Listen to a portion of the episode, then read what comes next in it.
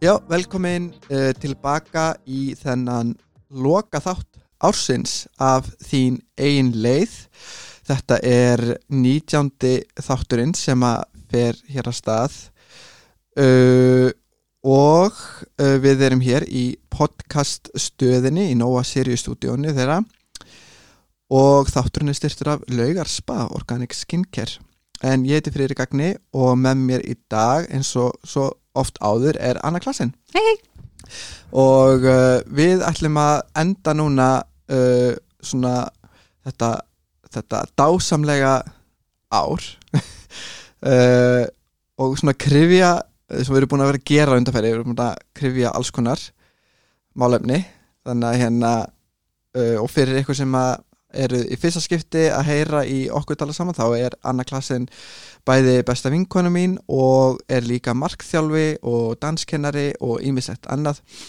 Og þess vegna erum við svona að fara svolítið svona inn á dýftina í svona það sem okkur finnst um hitt og þetta og um svona mannlega tilfinningar og, og svona drauma og mörg, við erum mikið búin að fara í mörg í okkar þáttum og hvað séru, hvað, 2020 hvað getur maður sagt um þetta ár? oh, sorry, við vorum bara að tala um sko, getur ímyndaðir ef að í lokin og síðast ári að áramótusköpi hefði endað með bara by the way, á næsta ári þá verðið þið með grímur og getið ekki tala saman það verða engi viðbyrður og þið verður bara först heima í okkur. Gleðilegt nýtt ár. Bara nákvæmlega ummitt sá þetta einhver fyrir að þetta ár myndi verða svona? Bara what? Ég mani mitt bara, þú veist, mér fannst einhvern veginn árið 2020 svo cool, bara 2020 þú veist, bara svo 2010 þessu, alltaf þegar kemur svona slett tala svona, þú veist, bara, na, það gerist eitthvað skemmtilegt þessu ári, eitthvað. Nei, maður er aldrei pælt í aldrei grunað að sjálfsög ekki að, að árið myndi fara svona. Uh, en það er mitt áhugavert og því að ég og Anna, við vorum að tala þessi um uh, svona áramóta heit og svona skilur og, og þú veist, mjög margir eru með svona áramóta heit eða ég er endur, þú veist, ég er ekki beint, ég hugsaði aldrei þannig, ég er bara, þú veist, mér finnst bara gott þegar nýtt ára er að byrja, svona í byrjun janúar Mhm. mm. þegar, þú veist, áramótin nálgast að bara pæli svona hvað það er sem að ég hef gert á liðinu ári og svona hvað ég myndi vilja gera betur eða eitthvað svona sem ég hafði kannski vilja gera og gerði ekki og svona punkta niður, þetta er ekki beint svona eitthvað ég ætla að hætta að reykja, ég ætla að vera fitt e- ekki beint þannig, þetta er meira kannski eitthvað svona specific. Er það eitthvað, hvað þú ætlar að bæta í lífið þetta að taka á lífið þínu eða eitthvað þannig eða, þú veist, eða er þetta meira bara ha, uh, mér finnst það óslega gott að fara mitt yfir ári og sjá þá fattar ég hvað maður er búin að gera mikið, það Já. er í rauninni verið ekki fyrr en maður fer, þú, uh, þú veist ég allan hef oftast gert svona post á, þú veist, það var áður á bloggsíðu og nú er það meira bara á Facebook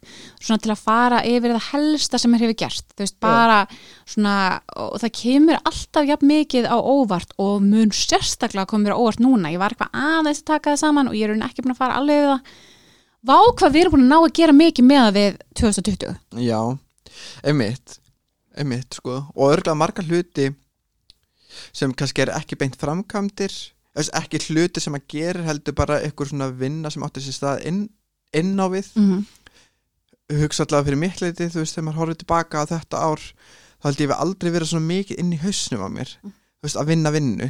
Einhvern veginn að þú veist lesa mig til og einhvern veginn reyna að hvað segir maður svona practice practice what I'm preaching. Að þannig að þú veist að maður að lesa sér til um eitthvað og að læra eitthvað og reyna svona að setja það í verk þú veist varandi bara að bæta sig andlega hef aldrei verið eins mikið á þeim stað og núna 2020 sko. Og ég held að flest tengi við það því að mann líður eins og mann hafa bara verið fastur inn í herberginu og veistu, ég sverða á fyrsta COVID þá held ég hafa eiginlega bara verið í á herberginu mín í nokkra daga bara. Og ég var, ó já, alveg rétt, já, og restina íbúðinu minn líka.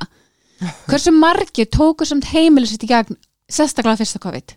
Já, einmitt, það var, ég held að mjög margir sem voru bara og, jú, og hversu margir voru að elda óksla mikið Ok. og baka óksla mikið? Baka, ég, ég fór næstu að baka. Ég hef engan áhuga að baka sko. En ég, ég var næstu að fara að baka því bara svona ó, ætti ég kannski að vera að baka? Fyrst að allir eru að baka, ég kannski að missa af ykkur eitthvað svona COVID-trendi. Kannski, þú veist, var ykkur lindardómur í bakstrinum sem ég bara vissi ekkit af skilu, Já, ég er bara alltaf forvitin, bara uh, hvað er þau að gera? Kannski er þetta skemmtilegt.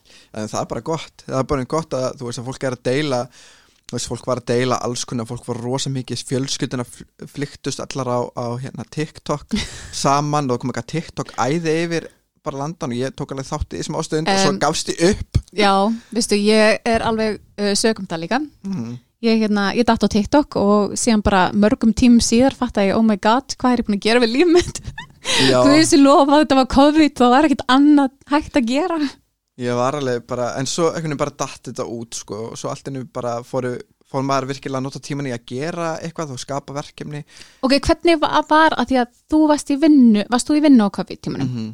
Allan tíman Uh, já, ég var í vinnu allan tíman það var minkað og, og hérna og ég var sendur, eða við fórum öll í svona heim, mm vorum að vinna fjár vinnu og maður vorum expert í svona Teams og Zoom fundum og eitthvað svona.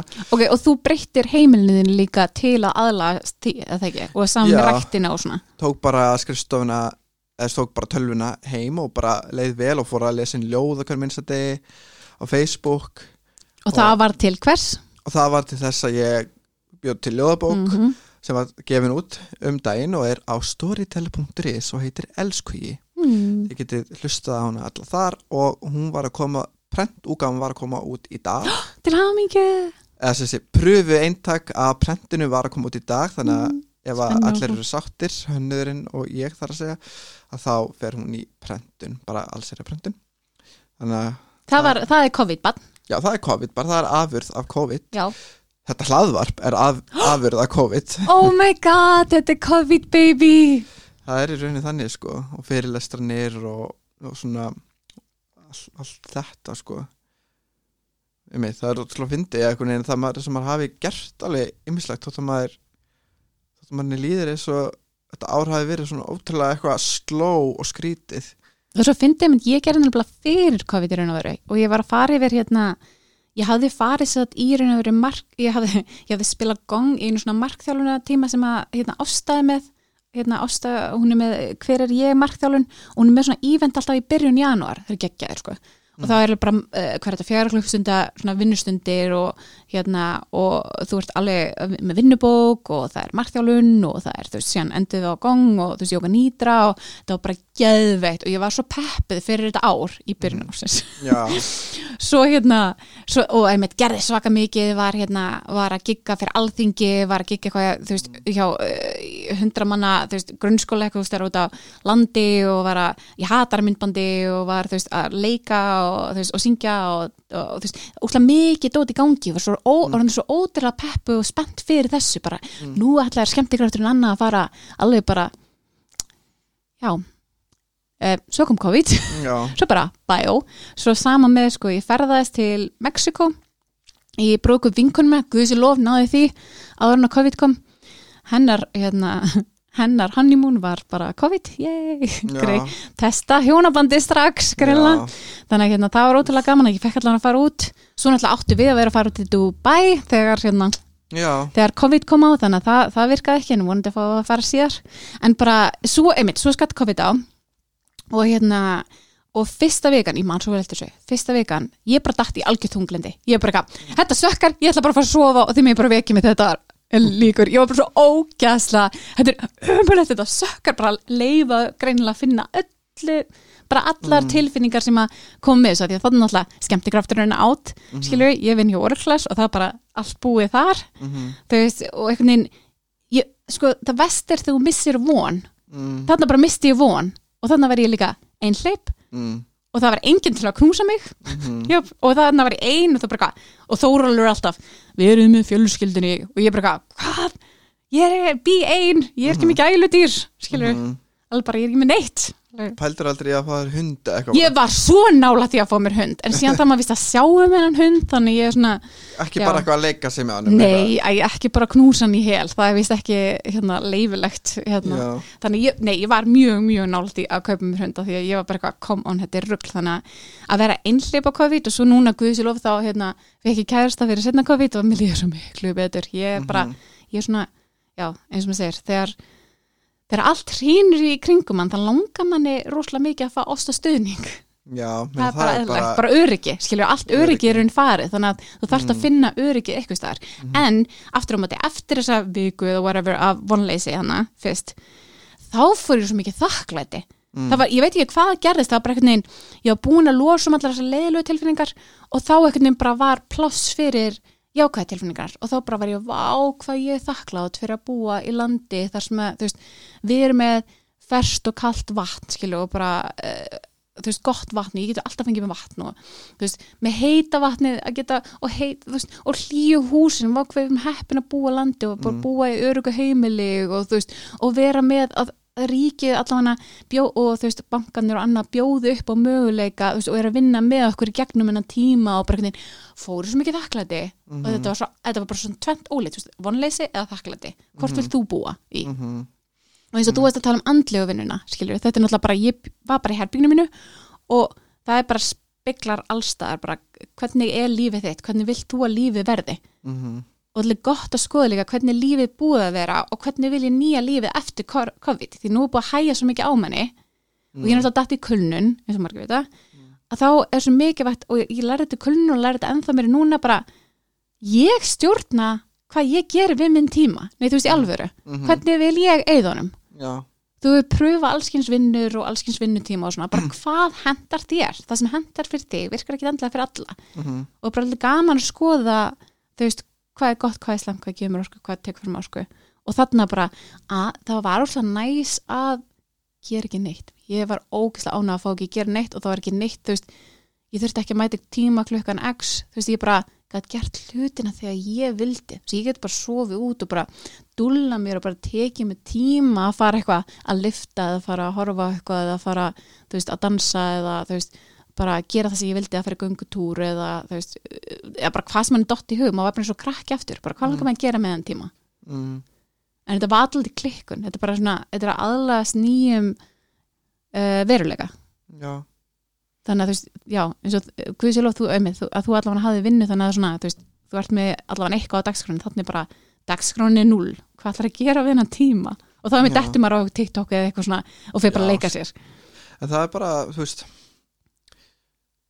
ég held að það sé ótrúlega gott að fá okkur svona, þú veist, heilu dagana bara það sem er bara svona, þú ræður Mhm. bara, hvað langar þið að gera?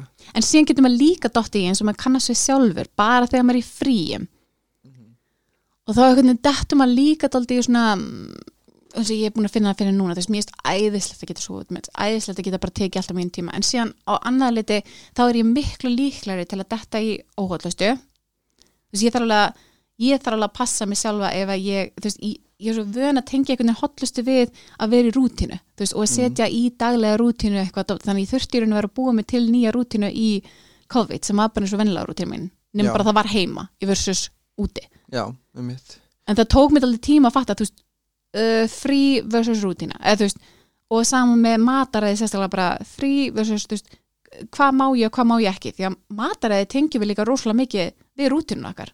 En nú er engin rútína hvernig áttu það að borða? Já, ég held að þetta haldist alveg hendur ég held að flesti kannski ná meira eins og þegar fólk er að breyta um lífstíl Mm -hmm. eða þú veist lífstíl, allavega svona mataræði og, og heimitt, er það að fara að detta í þú veist, kannski meiri reyfingu og Mhm. þannig þá er ótrúlega gott að þú ert kannski í vinnu Mhm. ákveðið, ákveðnum tímum og þú ert á að reyfa það ákveðnum tímum og ert að borða ákveðið og þú veist reynir að borða kannski svipum tímum til að geta haldið við veist, og þá er svo gott að hafa svona, því að, þú veist, manns heilin bara vill, bara er svo skrítin fyrir bara vill bara eitthvað svona order í kringu sig. Þú veist og um leið það, um sko orderið fyrir, að skipulagi fyrir í kringu lífi þessu uppbyggingin að deginum er eiginlega farin þá er bara svona, svona, svona bara svona eitthvað floating bara eitthvað eitthvað sem sömur myndi, svo eins og ég, myndi næstu fari bara í kvíðakast yfir í, mm Mhm. bara að sjá bara svona, og það er bara ekkert planað og það sem er það mjög óþægilegt sko. að því að þá er svo mikli möguleikar Já því þá er ég bara svona, já, ég geti, geti gert þetta, ég geti gert þetta, ég geti gert þetta og enda á bara, þú veist, gera bara lítið að hverju og svo er ég bara í ykkur með bara ekkert öndanum og þú veist, eða gera ekkert eða vera ógslag þreyttur og vil bara fara að sofa Já, ef ég tengi svo hart við þetta þetta er einmitt það sem maður gerir að því að Mhm. ef maður ekki, ef maður með einhvern veginn allan möguleika, þá er mitt fimm bara í og ég get gert þetta og þetta, einmitt og gera eitthvað smá, smá, smá og svo bara er maður eiginlega bara uppgefin að þreytu með að hugsa um þetta frekar Mhm. heldur en að gera þetta Já, bara, vá, þetta er, þetta er svo satt en hvernig var þetta fyrir þig að því að það var eitt sem þú gerðir á árinu Mhm. sem mér finnst ótrúlega áhört, ég man ekki hvort við tölum um það í fyrir þáttum mm. hvað bók lastu sem að breytti tóldi hvernig þú Já, ég las hérna snemma í vor las ég 5am Club mm bókina Ertu að tala um það? Já.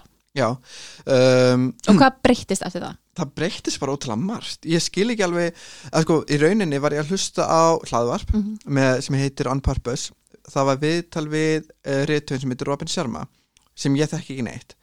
Og ég hlusta á það viðtal og ég var bara ógeðslega inspired af því hvernig hann talaði og svona, hann var bæði svona veginn mm, bæði svona veginn andlegur svona genuine andlegur en líka svona uh, svona ekki, svona ambition driven veginn sem ég tengir rosa mikið við. Á því ég er rosa, þú veist, aktív manneski og mér er svo gaman að veginn setja mig markmið og ná þeim og hafa nóg af þeim og þannig. Mm.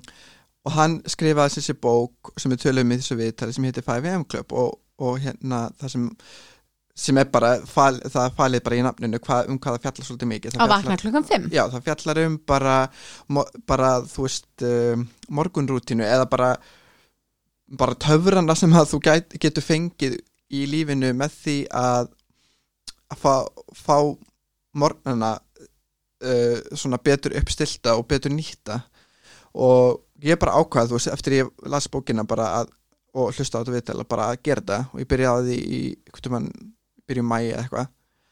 Og hérna var ennþá að því. Þú veist, núna er desember. Og hvað hva gerir þannig? Þú vakna klukkan 5 á mótnana og gerir hvað? Þá sem sé er það þannig að sko fyrsta klukkutíman er ég alveg er bara planað hvers, hvað ég geri og það er bara í rauninni út frá þessara bók veist, sem hann mæli með bara til þess að styrkja alla stöðvanar í, í veist, í sálarlífinu eða bara, veist, það er bæði sko, þú ert að hugsa um sálina, þú ert að hugsa um uh, heilsuna, þú ert að hugsa um hjartað Var, var það huglega? Nei.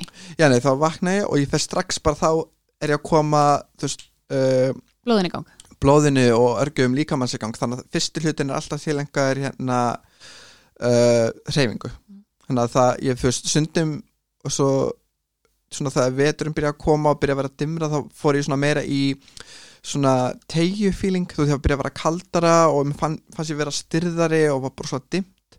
Það byrja svona meira að gera svona jókaæfingar þannig að ekki svitna rosa mikið en á tíðanbili þá var ég að fór út að hlaupa og svitna alveg bara þú veist strax klokka 5 þú veist bara, eða þú veist rétt upp á 5 og ég þú veist dansa og þetta er alltaf bara 20 mínútur þannig að ég bara vakna og ég bara þú veist fyrir að pissa og þú veist fæ mér vasklas og tek vítamin og lýsi og svo bara er ég strax mættur að bara hlusta tóli svona hvort tegja að gera jóka eða þá dansa eða gera arbegur fullu og mæðingar og eitthvað um, þannig að þá er ég komið, þá er ég vaknar þá er ég svolítið svona, þú veist, allt inn í hugurum bara svona, hm, og þá fer ég að nýt, nýt það yfirleitt til þess að huglega Mhm.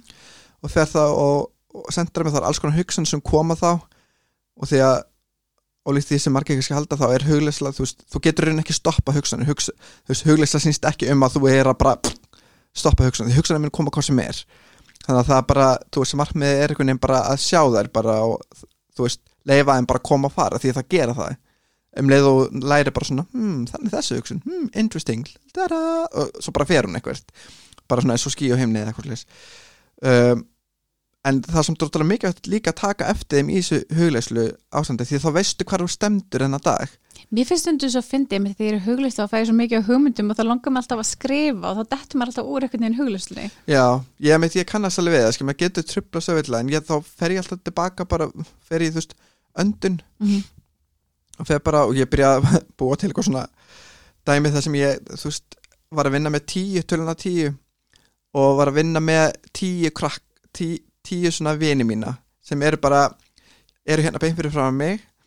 Og ég byrja á einum, þá anda ég tölustafanum ein, og þetta er svona lítið katt sem er svona einn í læginu og hann fer inn um nefið, fer inn í hugan og tekur svona skannar hugan aðeins, svona tjekkar hvað er í gangi hana og svo blæsir hann út um munnin, þá er hann búinn. Þá kemur tveir, hann er næstur röðinni hann Bíddu, gerir Er, eitthvað það- en að því að þú sagðir vinir, er þetta eru vini mínu, bara þetta er svona eins og þetta er svona ein, ein, þú veist, þannig ég er rauninni að setja fókusin á bara tölustafi, já, þannig þá er ég ekki að hugsa um eitt annað en, þe Já. en þessi tölustafir er í rauninni bara þú veist, og ég hugsa um vini mínir bara þú veist þetta er í rauninni bara til að vera minn eigin vinur skilur Já. í hugunum mínum.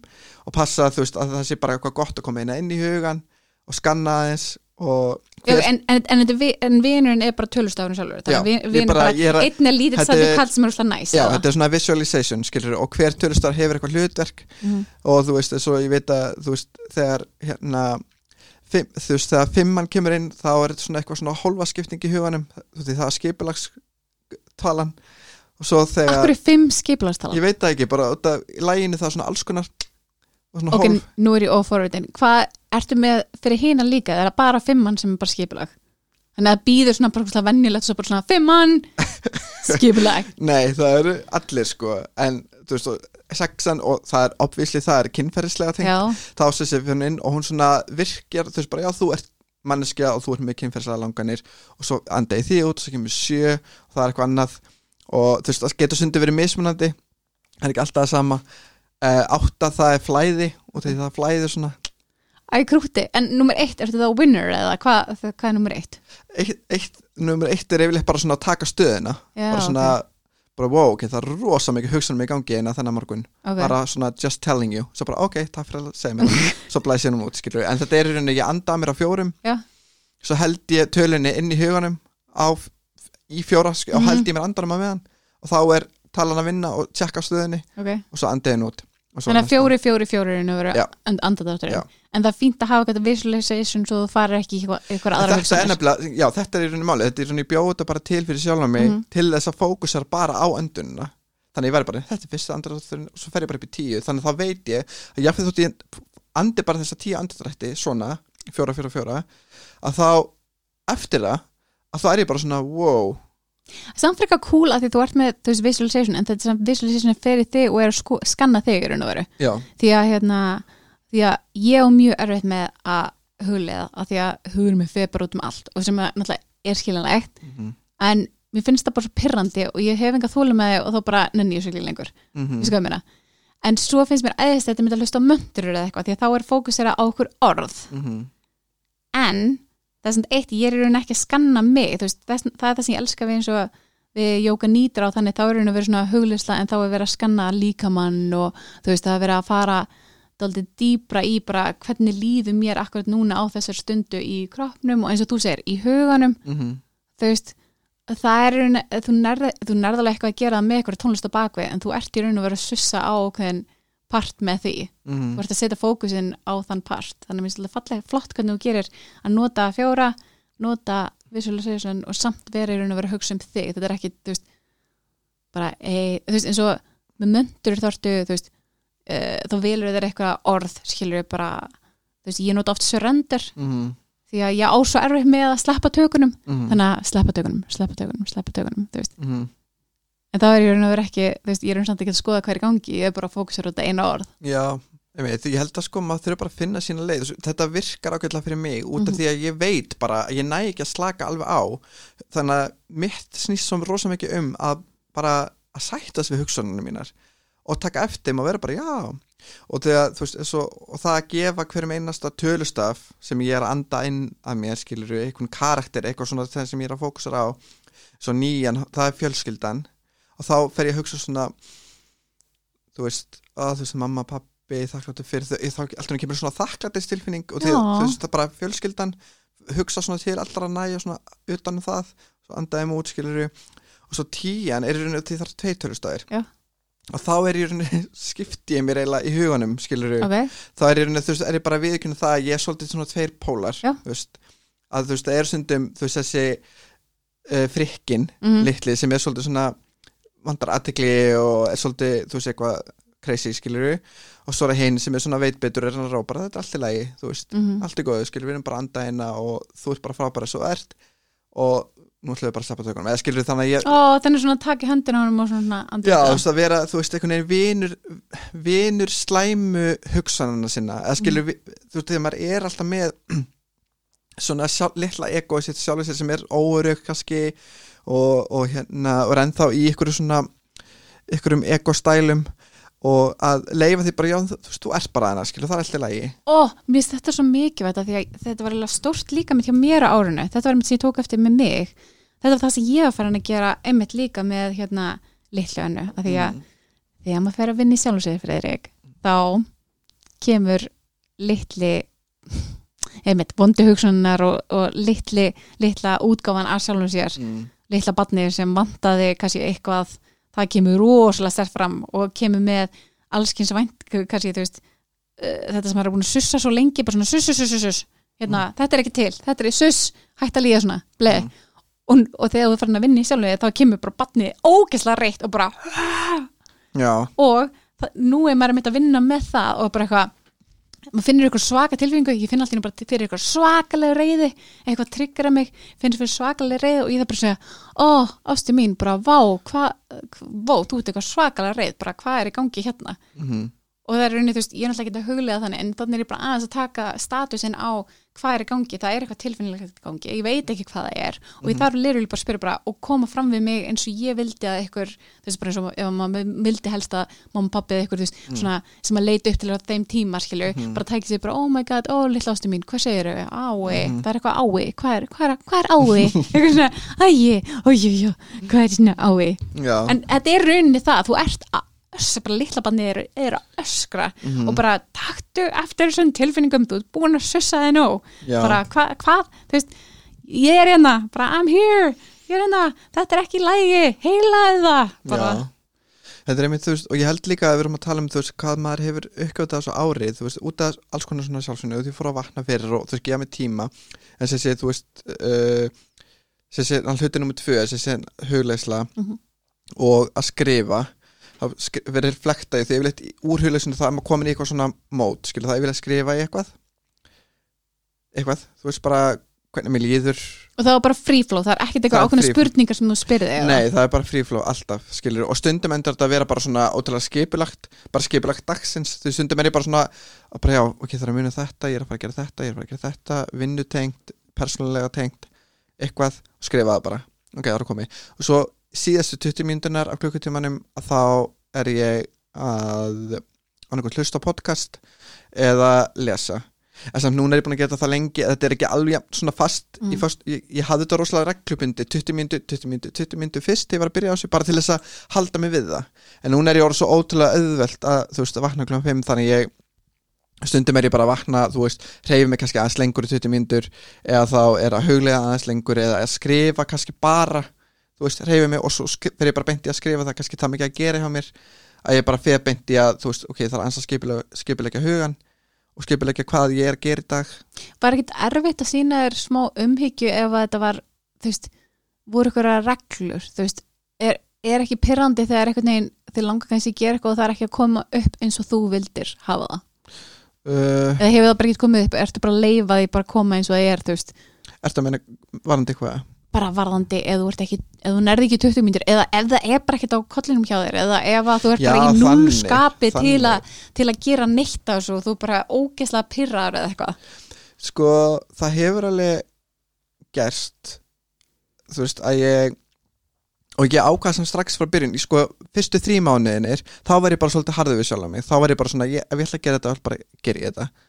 Skilur, og þá var ég ekkert að gefa mér neinn afslátt, skilur, um leið og ég var komin í þrjá mánuðin þá var þetta orðið svo auðvelt einhvern veginn að þá fór ég að leifa mig meira bara svona, ok, þú veist ég er að fara í ammali þú veist, ég er ekki að fara að vanna kljóðan 5 ég er ekki að fara að mæta, þú veist, ég er ekki að fara að koma heim um miðnætti eða eitthvað svo leiðis eða seinna og vakna kljóðan 5, þú veist, ég þarf að hugsa um líka bara líkamann og þú veist líkaminn þarf meiri söfn heldur en 5 eða 4 tíma, skilur þannig þá bara svona að segja bara, ok, þá dettur þetta bara út í dag.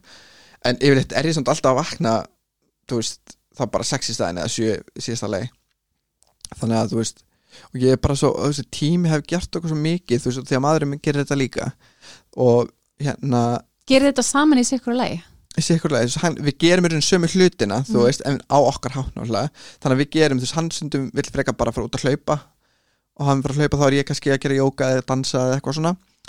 Um, og við höfum líka farið saman út að hlaupa bæði þau vorum í útlöndum var fínt að hafa stuðning frá hinum aðlunum og, mm -hmm, bara upp á að þið myndu gera þetta. Algjörlega skilur ég held, þú veist uh, ekki, svo veist, eitthvað áta hann. Þess að hann á auðvildra með þú veist að sopna aftur. Yfirleitt þegar ég vakna þá yfirleitt bara vakna ég. Mhm. þú veist, og geti eða ekkert sopna aftur. Ég hef aldrei snúsað til dæmis, veit ekki svona hvernig ég gera það. Ég, og ég sef ekki með síma minn inni hjá mér.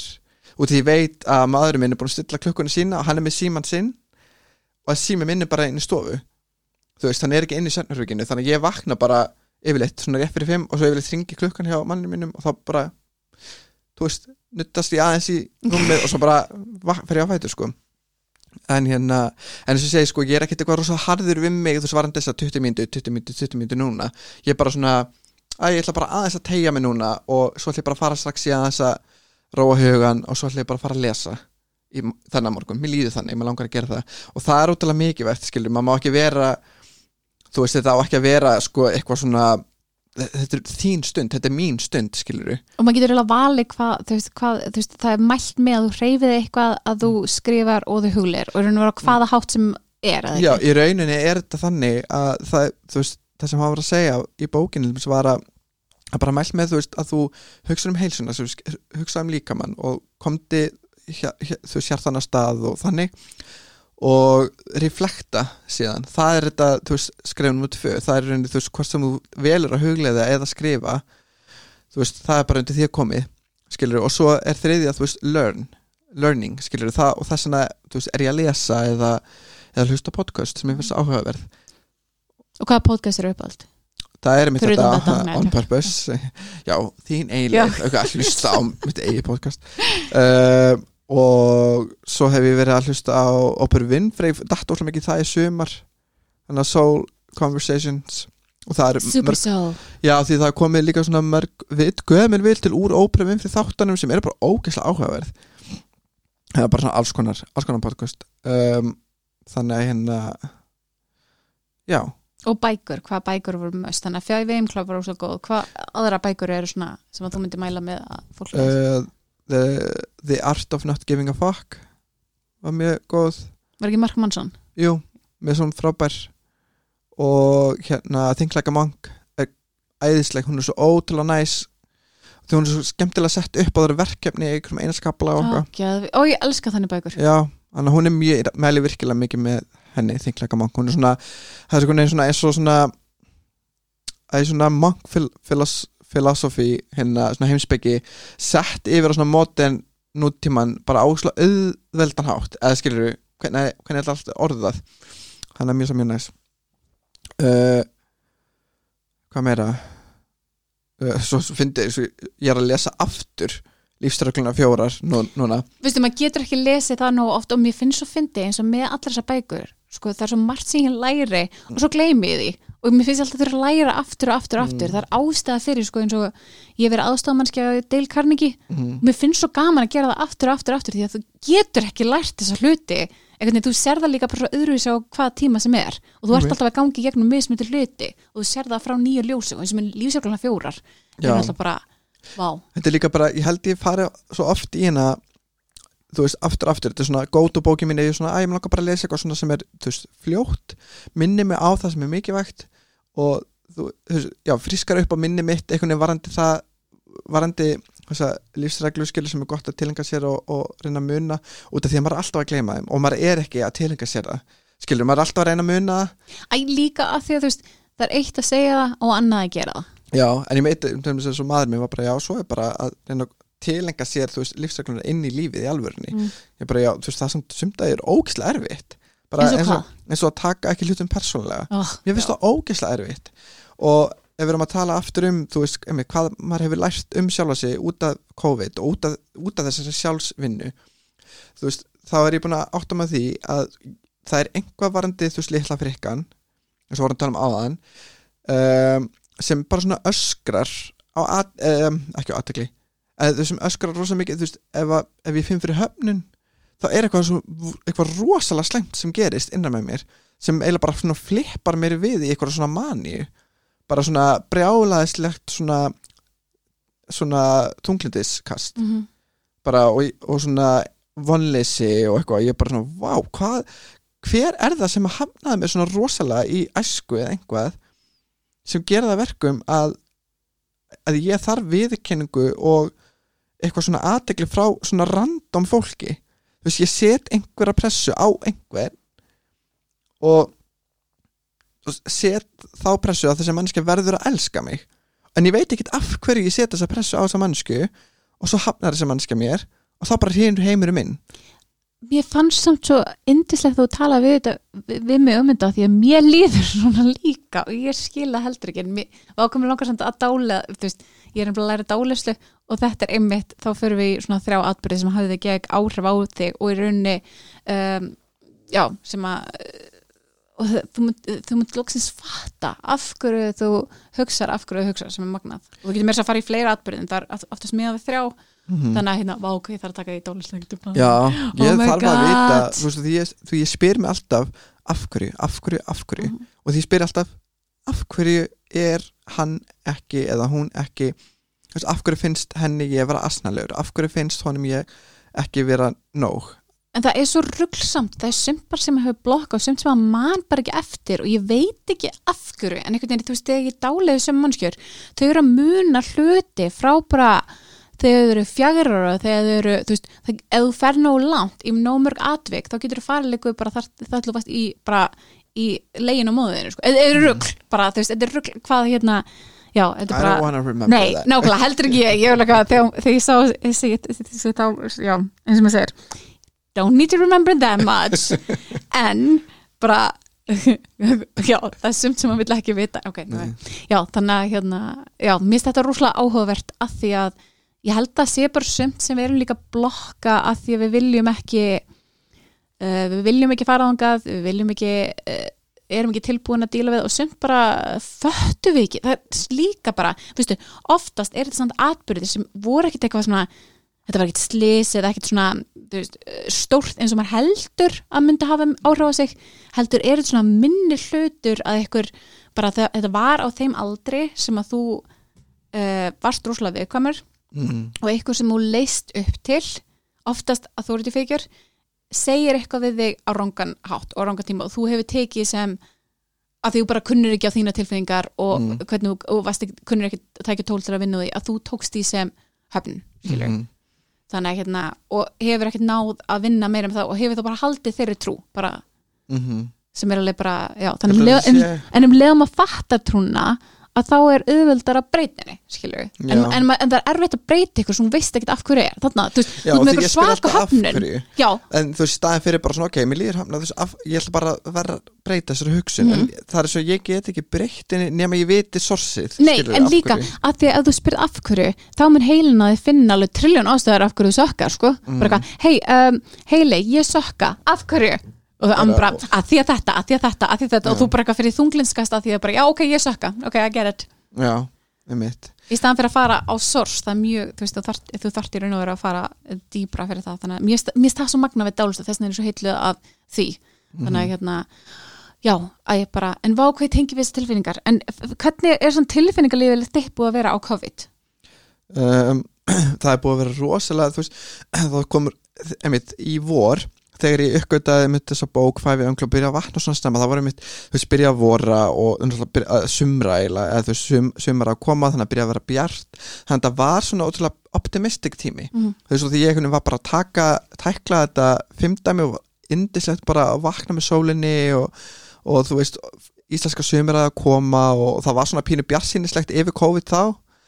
Þannig að það á því tímabili sko, þú veist, svona einhvern veginn april, mæ, júni, júli voru rosa góðir mánir, þrýr mánir sem voru rosalega góðir uh, tilfinningarlega, þú veist, ég var einhvern veginn í svona uppsveiflu og einhverju svona brjálari svona framkvæmdagliði og fekk bara örgulega svona 300 hugmyndur á dag og var bara eitthvað að skrifa bara fullu, þú veist, skrifaði einhverja tvær heilar dagbækur, skilur bara í sumar Wow. þú veist, tvær svona stílabækur og hérna ég fór í eitthvað ferli eitt að ég var náttúrulega verkefni sem við ætlaðum að gera Einmitt. sem var kom ógæslega flott verkefni sem ég skil ekki ennþá af hverju Þessi sumar bara fór ekki hérna fór ekki áfram það er, ég, eins og vorum að tala um veist, það eru sumi verkefni sem er veginn uh, já það er átti greinlega eitthvað annað að gerast. Það er bara þannig, Já, það já. var ekki tímin akkurat þá, það kemur þá bara betri algjörlega, þú því veist miður þú veist, eins mikið maður langar alltaf að framkvæma allt og að fá stuðning og að fá, þú veist, það er ekki þú veist, já, time and place, þú veist, það er timing is everything. Það er bara, bara þannig sko. En eins og ég segi, þú veist, það var einhvern veginn var þetta svona góðu tími einhvern veginn, það var svo margt gott sem kom út úr þessu, bara vatna klokka 5 fannst mér bara svona ná einhvern veginn utanum ótrúlega mikið af hugsunum og hugmyndum og að koma því einhvern veginn ba bara í orð og koma því eitthvað svona, svona skipulag í hausnum mínum. Og hérna bara svefni minn var alltaf betri. Þannig að svona en svo hef ég líka farið rosa mikið upp á niður eitthvað síðan með haustinu. Þá alltaf komið svona alls konar þú veist tilfinningar. Og það gerir sendra oft á haustinu hjá, á haustin hjá mér þá, þegar byrjar að dimma og kemur eitthvað svona þú veist og yfirleitt eru hausti líka svona bóði nýra tím, tíma það er eitthvað nýtt, fólk er að byrja nýri vinnu eða aftur í skóla eitthvað svona en það var eitthvað svona ekkert Úf, þú veist já. að gerast hjá okkur einhvern veginn eða þú veist þannig að maður veginn var bara eitthvað að reyna að finna sér eitthvað til að þú veist finna sér eitthvað til að hlaka til og, og eitthvað.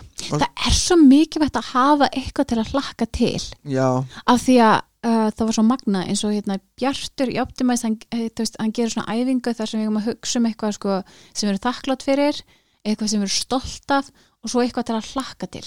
Mm, mér finnst ekkert mál, eitthvað þakklátt ekkert mál þú veist, stolt af, þú veist, bara já og svo, svo kemur hlakka til og maður svona ha, þú veist það er alveg það sem ég finnst hafa tekið daldi á COVID-tímanum þú veist, vonleysið hefur daldi svona uh, að það var fyrir okkur, þú skemmtikraftana fyrir ekki, mm. að því að það er bara búið að taka daldi vinnuna frá okkur alveg, bara, heyrðu, hvern, ef þið var ekki skemmtikrafta, hvað myndið þið gera? Gjör svo vel mm þá kemur líka svona pressutilfinning það bæði svona, þú veist, vonleysi og líka svona þú, þú, þú veist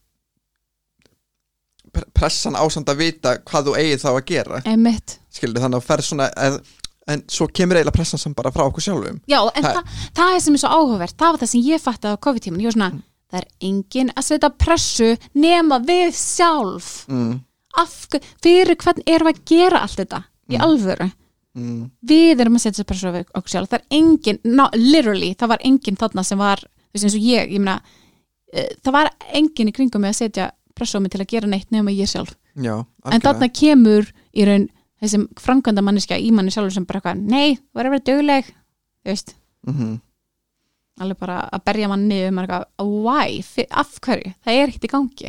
Það má alveg vera bara, þú veist ég fer alltaf, um leið að COVID kom í rauninni þá var ég svona, ó, núna er svo mikið svegrum til þess að, til þess að sko skapa nýjar hugmyndir. Og þá fe- fer ég svona að setja eitthvað svona pressu á að ég geri það.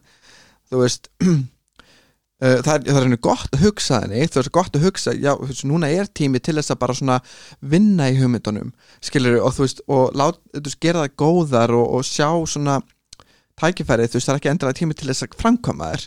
Mér finnst þannig svo erfitt eins og mér.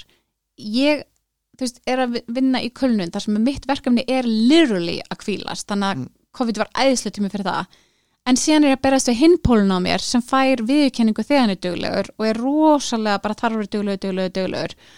Og að berjast við þess að tvo pólar sem, þar sem hugurnum er langar að vera ókisla duglegur og svo líka mér sem bara oh my god, ég er svo þreyttur, getur þú please bara chilla, má ég megu bara slaka á því ég, bara, ég get ekki meira? Þetta er svona tvei pólinn, þannig að ámaður að vera einmitt, að nota tíman og vera óksla framkvæmtilegur og gera óksla mikið eða ámaður bara nota tíman og slaka á. Mm hvort, eða hvort tveggjar en að finna eitthvað balans á milli Ég held að maður eigi að reyna að finna balans Þú ég held að maður eigi, þú veist, absoluttli að, að þú veist, þú veist, að nota tíman sem er núna, þú veist, COVID er ennþá í gangi, við erum Mhm. ennþá bara með tíu manna samkomu takmarkanir og það verður þannig út 12. Uh, janúar, þannig að við erum ekkert búin í þessu, skilur við Vistu, ég var svona ótrúlega fegin að þau settu 12. janúar, ég veit ég er úrslega leðileg en um, ég vinn í vöruklass og það var, þú veist þau gáti eitthvað aldrei ákveðið sig hversu, þú veist það var alltaf að tveggja veikna fresti að breytast hjá mér. Getur þú ímyndað, þú veist, ég er alveg mjög aðlögun að hef, ég er búin að búa í allskynslöndum og þú veist, mitt líf er bara svona þú veist, sem að mannskir eru bara, oh my god bara, what, Mm. því að ég bara er að gera allskyns hluti og alltaf eitthvað nýtt, alltaf, alltaf eitthvað nýtt. Mm -hmm. en það talandi um mörg það kemur tíma sem er bara oh my god, getur þú please bara sagt mér uh, hvað er nýjöregluna og hvenar þú veist, ég vildi eiginlega bara vita það því að ég get ekki slaka á hvernig ég slaka á ef ég veit ekki hvort ég sé að kenna tíma eftir tvæ vikur ekki, skilur Mhm. þá er ég, þú veist, ef ég veit ef, ef að, þú veist, já ég er þá alltaf að preppa mig veginn fyrir og einmitt eins og einu sinni þá voru takmörk allt einu bara ég heyrðu bæði þú ert að kenna á morgun. Ég bara ha? Já, ég man eftir því. Ég var Bara- meitt líka, þá var ég bara búin að plana alla vikuna og svo allt henni bara, já, líka sættu stöðin að fá að opna á morgun. Einmitt.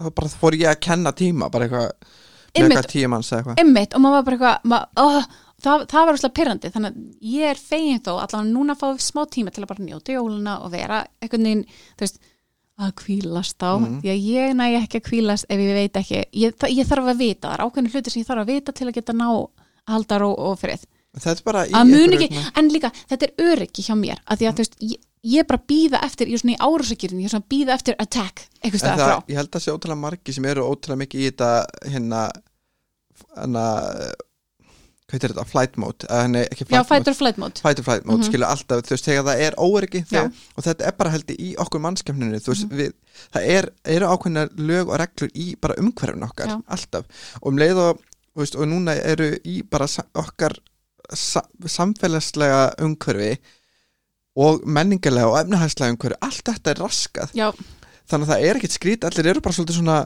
á nálum og svona alltaf teikna á tannu bara hvenar má ég þetta, hvenar get ég þetta hvenar get ég plana þetta og, og þetta hefur örgulega veist, og þetta er að hafa áhrif á veit það.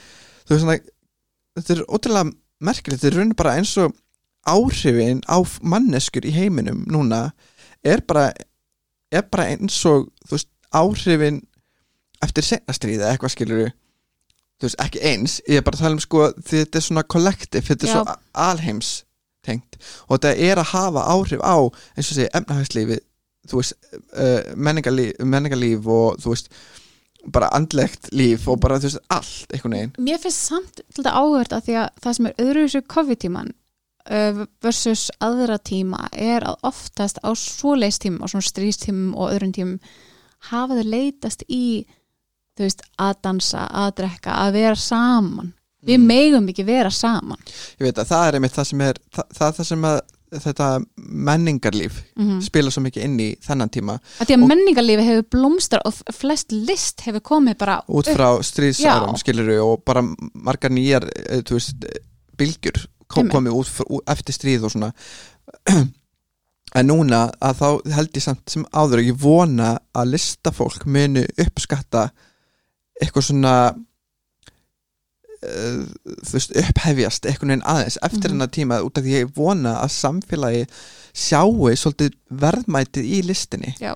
eftir hennar tíma og ég held að fólk geri það uh, bara talandi um bara eins og þetta verkefni núna hjá Ríkisjórnin og listaháttíð Ó, þú veist, geggjað. li- listagjafir til þjóðarinnar um, þú veist að, að sjá bara einhvern veginn þú veist, listafólk, söngvar og tólistamenn og þú veist, ljóðskáld og rithöfund að vera að fara með texta þú veist, bara persónulega til ein, einhverja sem, þú veist bara, að þetta er svo ótrúlega fallegt, við gerum þetta hana í, í november Mhm. og sáum þetta uh, þú veist, þetta var svo fallegt verkefni og því það maður sá bara þú veist, þakklæti hjá fólki bara að, að heyra eitthvað fallegt og, og sjá eitthvað syngja og, og gera eitthvað ástriðu og svona bara maður sá hvað listin er falleg og líka bara hvað samskipt á milli fólks er falleg. Já.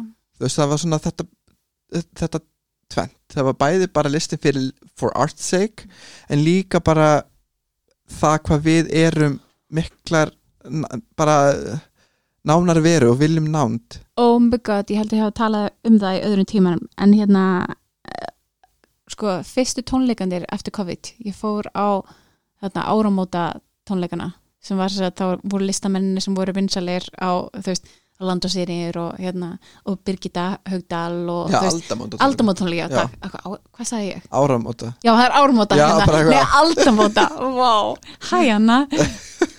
Þetta kallast anníska þetta er svona hérna, nýtt tungumál sem ég bjóð til. Já, Nei, guð, aldamáta tónleikandir þeir voru klikk bara andrúslafti í salnum ég hef bara aldrei fundið slíkt mm veist, ég var ekkert eitthvað hjú, hjú, jú, ég var alveg ágættur aðdándi eitthvað á þessum hljómsveitum en bara, og ég hef skemmt í mörgum, mörgum salum og mismundi tilefnum en vá, ég hef bara aldrei fundið annað eins.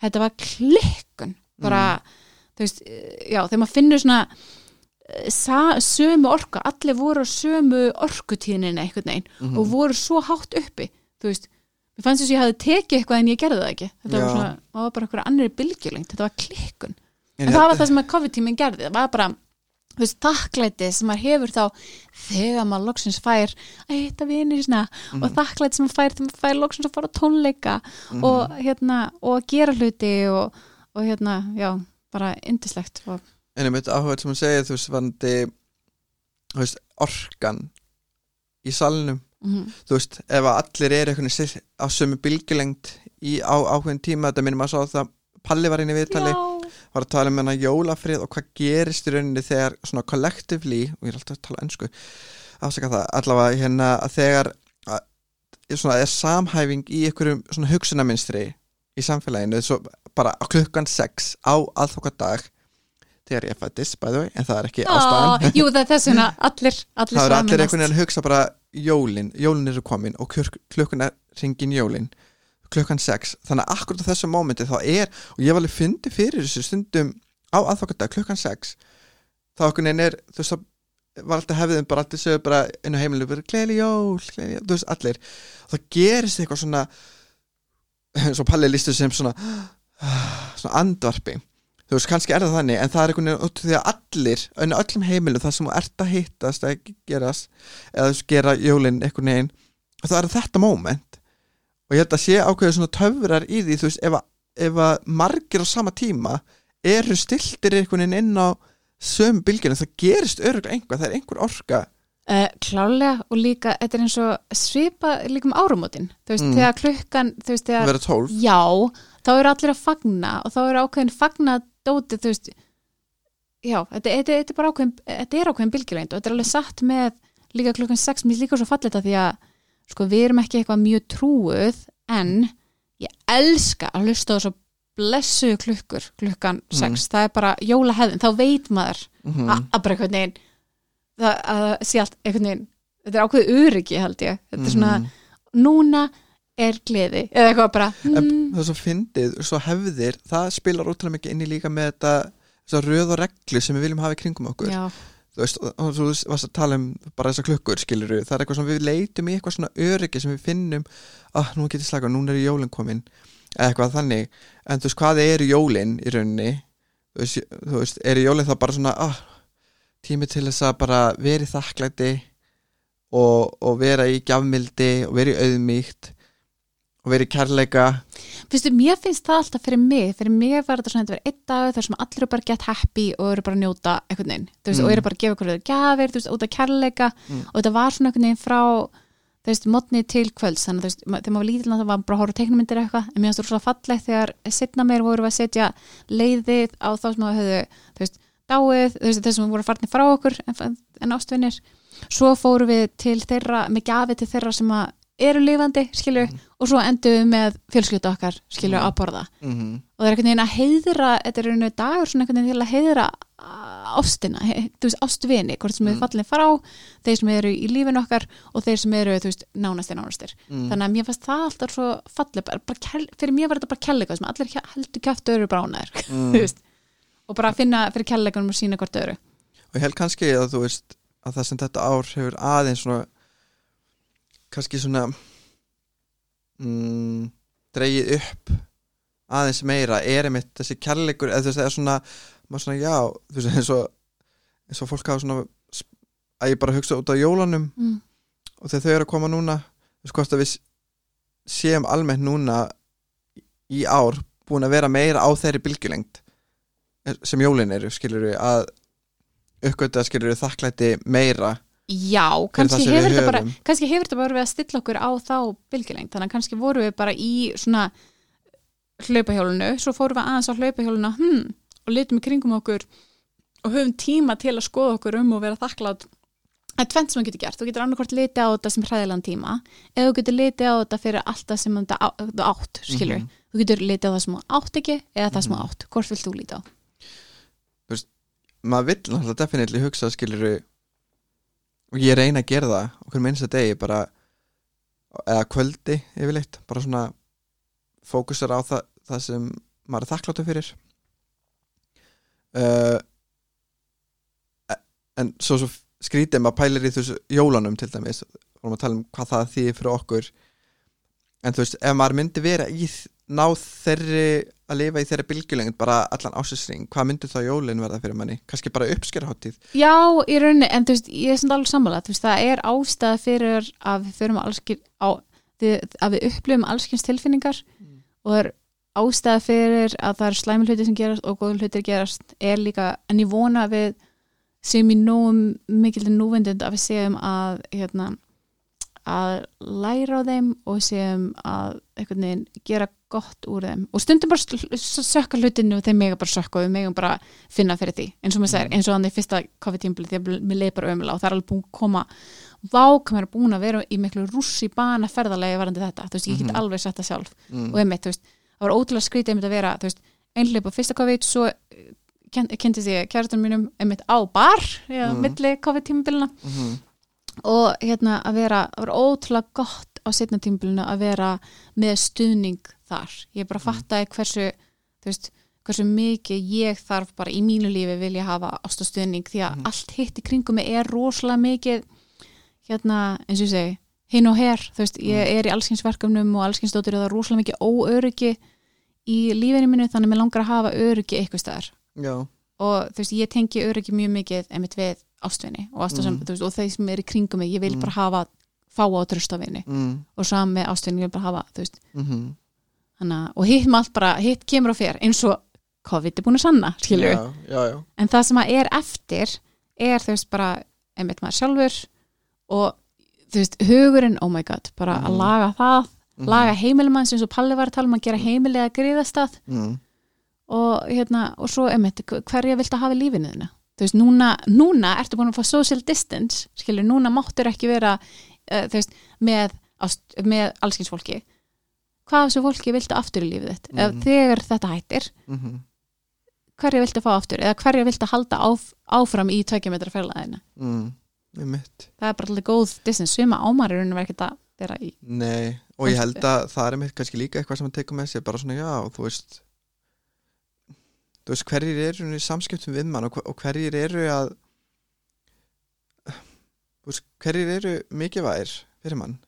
Og hverjir eru að gefa þér þú veist, ást? Og hverjir eru að gefa þér öryggi? Og hverjir eru að gefa þér ró í hjartað og, og á, þú ánægi og gleði?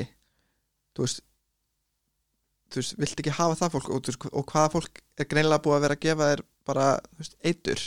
Skilur af hverju eftir að þú veist, hleypa því endilega að þér aftur einmitt, eða þá endur skoða bara hm, ég þarf kannski að endur skoða eitthvað samskipt þarna því að þarna var einhver sem að kannski var inn í lífiðinu sem að sem að var ekki að hafa góð áhrif. Nei. og þú bara fattar það ekki, skilur fyrir mannskjan fór skilur og, og finnst þér ekki fyndi og sumi fara og maður svona, vá, ég finn ekki eins og fyrir þessi farnir, það er bara svona, Já. ok hversu góð voru þessi samskipti þá? Einmitt. Og ég held að ég almennt að við séum sko í samskipt við svo miklu meira fólk heldur við þurfum. Mm -hmm. veist, við þurfum ekki að spá í öllum og öllum. Veist, við, eins og segir, það er þú veist, það er svo mikil vinna að viðhalda nánum og góðum samskiptum við marga, þú veist þurfum, hversu marga þurfum við að hafa í kringum okkur, skilur við? Og mér finnst líka svo fallið eins og Pa- Palli var að tala um í viðtalinu við þig við grunnþarfinnar, þú veist að hann bara, þetta, þetta var ekkert mála því að bara, þú veist, ég þarf ekki svona mikið, maður þarf ekki uh, þú veist, bara ég kefti mér ekki föt á þessu ári, eða þú veist, bara ég fó bara yfir, þú veist já, ma- maður skar bara af og maður bara já, þetta er bara aðeins öðruvísi. Maður lifir bara aðeins öðruvísi lífi núna. Mm. ok, þetta er það sem ég er með og þetta er það sem ég ætla að eyða. Mm. og þá bara fyrir maður einmitt í grunnþarfum, hvað þarf ég hvað þarf ég raun að vera til að lifa? Mm. og bara núna langar mann daldið að skoða og á nýjarunum eða ég veit ekki með þig en bara nýjarunum langar mann aðeins að skoða sko, hvað langar mig að gera? Veist, hvernig langar mig að nýja lífið sé eftir COVID? Mm. hvað vil ég taka, hvað, lær, hvað lærdum lærið þú á COVID? Ég held að bara ég læriði bara rosa mikið um sjálfan mig. Þú veist, það er ekki eitthvað svona ágæð það er mitt þetta bara svona, já, vá, ég þóla höfnin rosa illa, bara vá, ég fíla rosa mikið að geta vakna átt morgnana með sjálfum mér og með manninu mínum. Hafa gert gott fyrir sambandi mitt skilur við sjálfa mig og við manni minn. Veist, ég lærði það, ég, út af því ég fór í þessa vinnu og ég hefði örugglega ekki farið í hana nema COVID hefði komið. En fegst ekki líka hans meiri tíma með mannin sem kannski Jú, líka, þessi morgna tryggja það líka skilur, þannig að saman hvað gerist höfum við alltaf út af því að, veist, þegar við erum búnir upp úr sex skilur með okkar svona litlu rútínu þú veist, þá erum við stiltir og þá er bara morgumatstími og þá, þú veist, og ég, í rauninni á ég ekki að mæti vinnum fyrir nýju en ég mæti alltaf átta þú veist, út af því að, þú veist, ég byrja morgumatin upp úr sex, ég hef ekkert að gera skilur, ég vil ekki að borða bara eitthvað þrjá klukkutíma. En, þú veist, en Ertu við, viss? já, en við höfum alltaf bara klukkutíma morgumat saman. Þess að við erum bara að borða og spjalla og drakka kaffi og eitthvað. Ó, indislegt og það er ótrúlega dýrmætt stund og ég, einhvern veginn- það er eiginlega svona það sem heldur svo kannski líka pínu gangandi að það gangi vel hjá okkur að tilenga okkur þann þessa lífsreglu eða hvað sem maður kallar þetta að bara þetta að vatna svona snemma og En líka því hún er að rækta þig andan morgunin og svo Mhm. er það að rækta sambandið og þetta Líka. er allt fyrir klukkan átta á mótnana og svo ferði vinnun alltaf bara að rækta það já, og ég finnst ég líka bara ná betur og því stundum þú veist uh, ef maður kannski að vakna og ef maður er að fara í vinnu og þarf að mæta eitthvað á, á mátni til allt hennu, ef maður er eitthvað bara kannski svaf, kannski illa og vaknar eitthvað svona og svo bara já þegar að mæti vera mættur í vinnuna eftir klukkutíma. Og allt hennu, ef maður bara mættur Já, skilur, en maður veit ekkert hvar maður er í lífinu, skilur. Oh my god, þetta er eins og þegar maður er að keira og maður er alltaf komin á áfangastæðinu og svona, oh my god ég var ekkert við stýri í raun og vera þú ert bara eitthvað svona á, á, autopilot og veist ekkert bara, maður svona wow, veist, ef ykkur hefði spurt heyrðu, sástu þarna gangandi eitthvað, ha, nei, ha? Þetta er einmitt, ég held, hugsa að sé rosa margi bara svona á þeir sem eru með daglega rútínu þeir sem er farið í vinnuna klokka 9-5 og séu bara, þú veist, á svo mótnana þú veist, ef þú nær ekki að vakna nú snemma þú veist, eða sást illa og allt, allt, allt hennu bara þú veist, mættur eitthvað, þú veist, ekkert. Og þess vegna er þetta svo dýnumætt sund fyrir mig og ég lærði þetta bara, þú veist bara ég vil ná að gefa mér tíma til þess að vakna og vera bara lifandi. Veist, áður en ég þarf að vera til staðar fyrir einhverja aðra. Ó, vá, hvað þetta er góða punktur. Að vera til staðar fyrir þig áður en út til staðar fyrir aðra. Og sérstaklega því að þú, þitt starf er rosalega mikið að gefa að þér. Mm -hmm. þannig að þú þarf svo mikið að passa að næra þig. Mm. Vá, ég ætla að vera til með þetta, sæl þetta er bara það sem ég er þetta er mjög mikill lærdómur reyndar sem ég er að fatta bara núna skilur þú spurði mig. Þú veist það að þetta, þú veist að ég einhvern veginn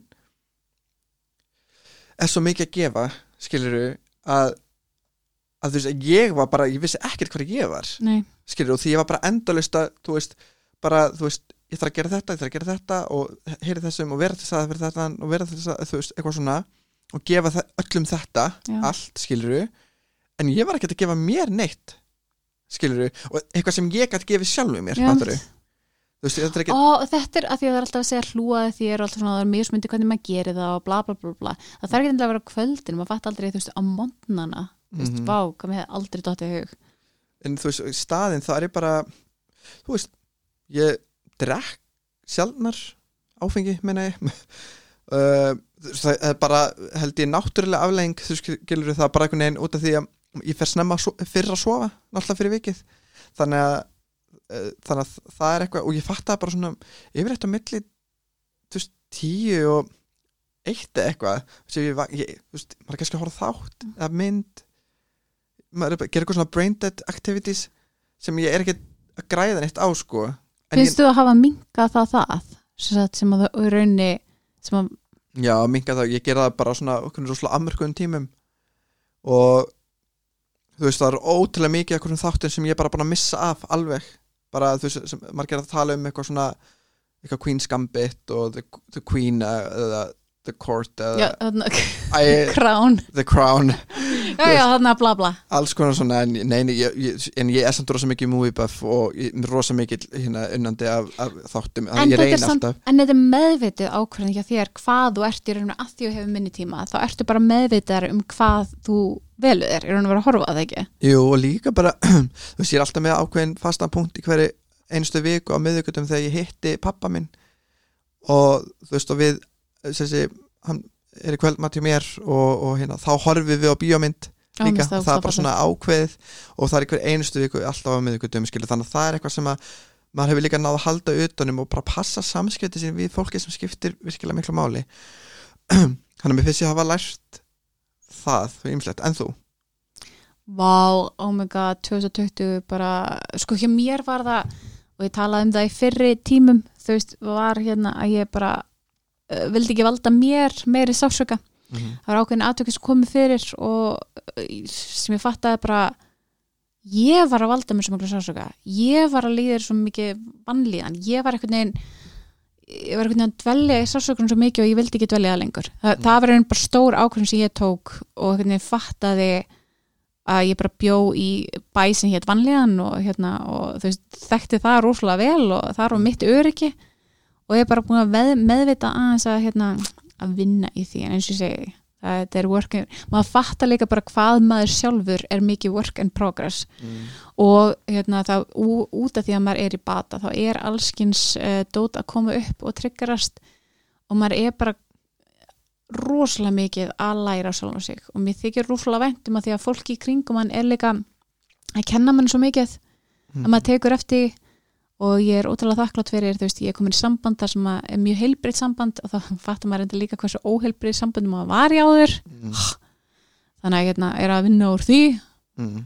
og vinna úr allskins hægðun og þá fattar maður ákveðin ég fattaði líka að það er allskins hægðun sem að ég er með svona sem kallast coping mechanism sem þú, þetta er hægðun sem þú ert í til að bara uh, survive til að veist hvað, ég, Til að lifa af. já, til að lifa af fyrir ekki ennsku slettina, maður er Mm. búin að búa ellendi stolti lengi og það kemur automatist hérna Mm.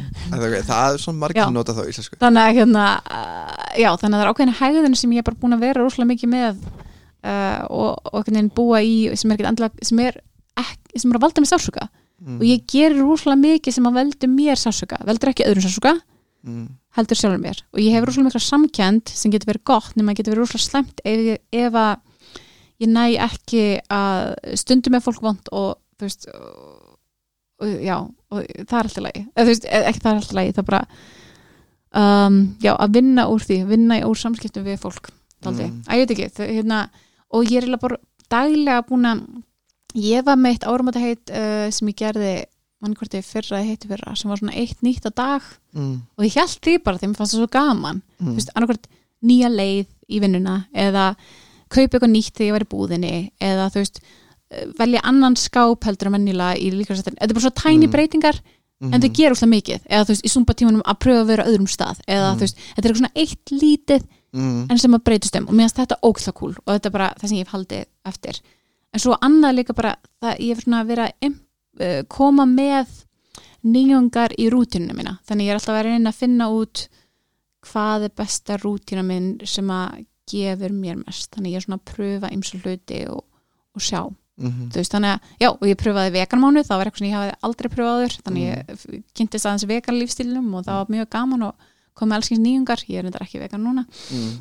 en bara gaman að pröfa ímislegt og saman með kynntist allskins nýju fólki um, já, tók engatalurréttindinn og jóka nýtra sem ég hefði ekki gert ef að ég hefði og absolutt treyning ef ég hefði ekki haft hennan tíma uh, og vá, lærdómur, bara einmitt þú veist, að lifa ekki sársöka bara Mm. ég ætla ekki að lifa lengur sársöka, ég ætla ekki lengur að láta aðra koma svona illa frá mig ég ætla að passa upp á sjálf mig og ég ætla að Mhm. vinna í sjálf mér þannig að í þessum áföllum og atbyrðum og þannig ég geti átt gott líf og bara, Mm.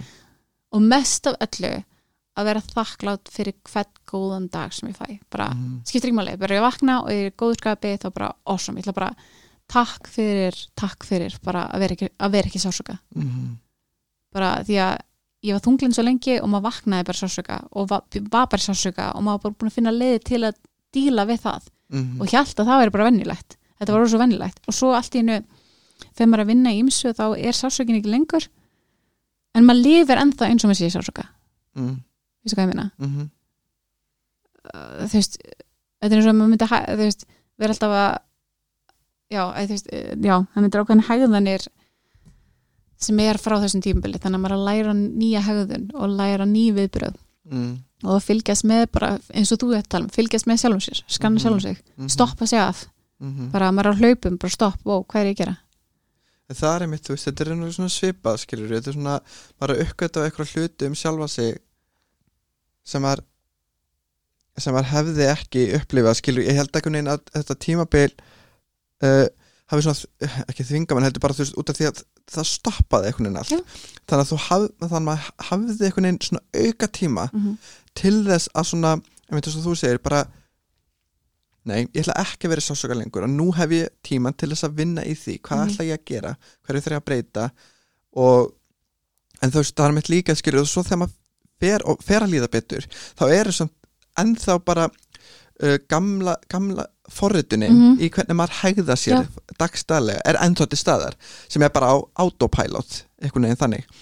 Þa, sem er kannski vandi að lifa í einhverju svona öðruvísi þú veist, í öðruvísi egoi sásöka egoi einhverju, eða viktum egoi eða þú veist, fornalamps dæmi.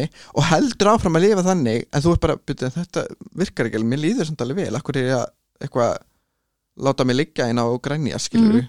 mér líður ekkert illa sko. Þú veist, það er ekkert að. Nei. ég er bara, ég hef ótrúlega margt gott. Og ég veit alveg.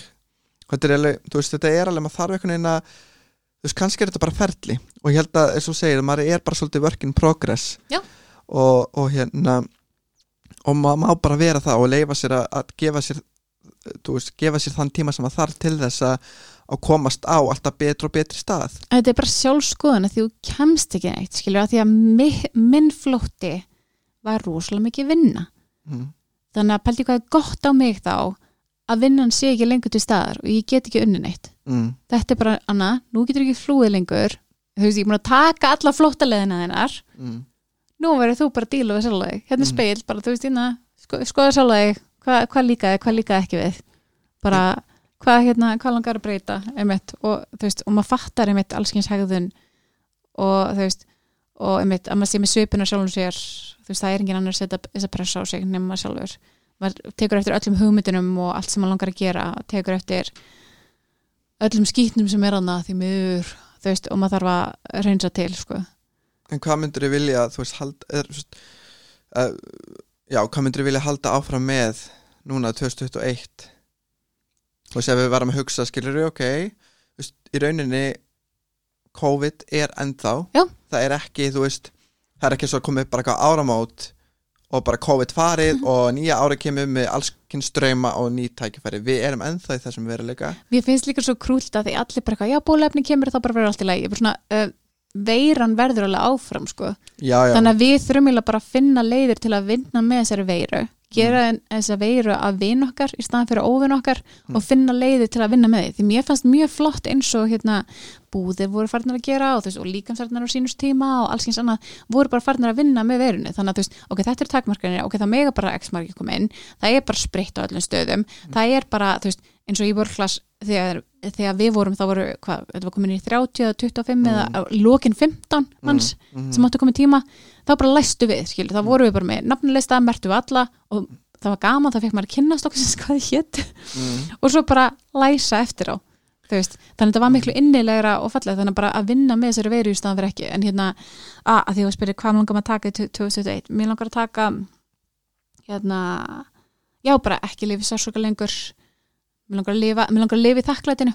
Það er sem Mm. mér langar að lifa í þakklætinu og þannig held ég finnir svo mikið fyrir gleði.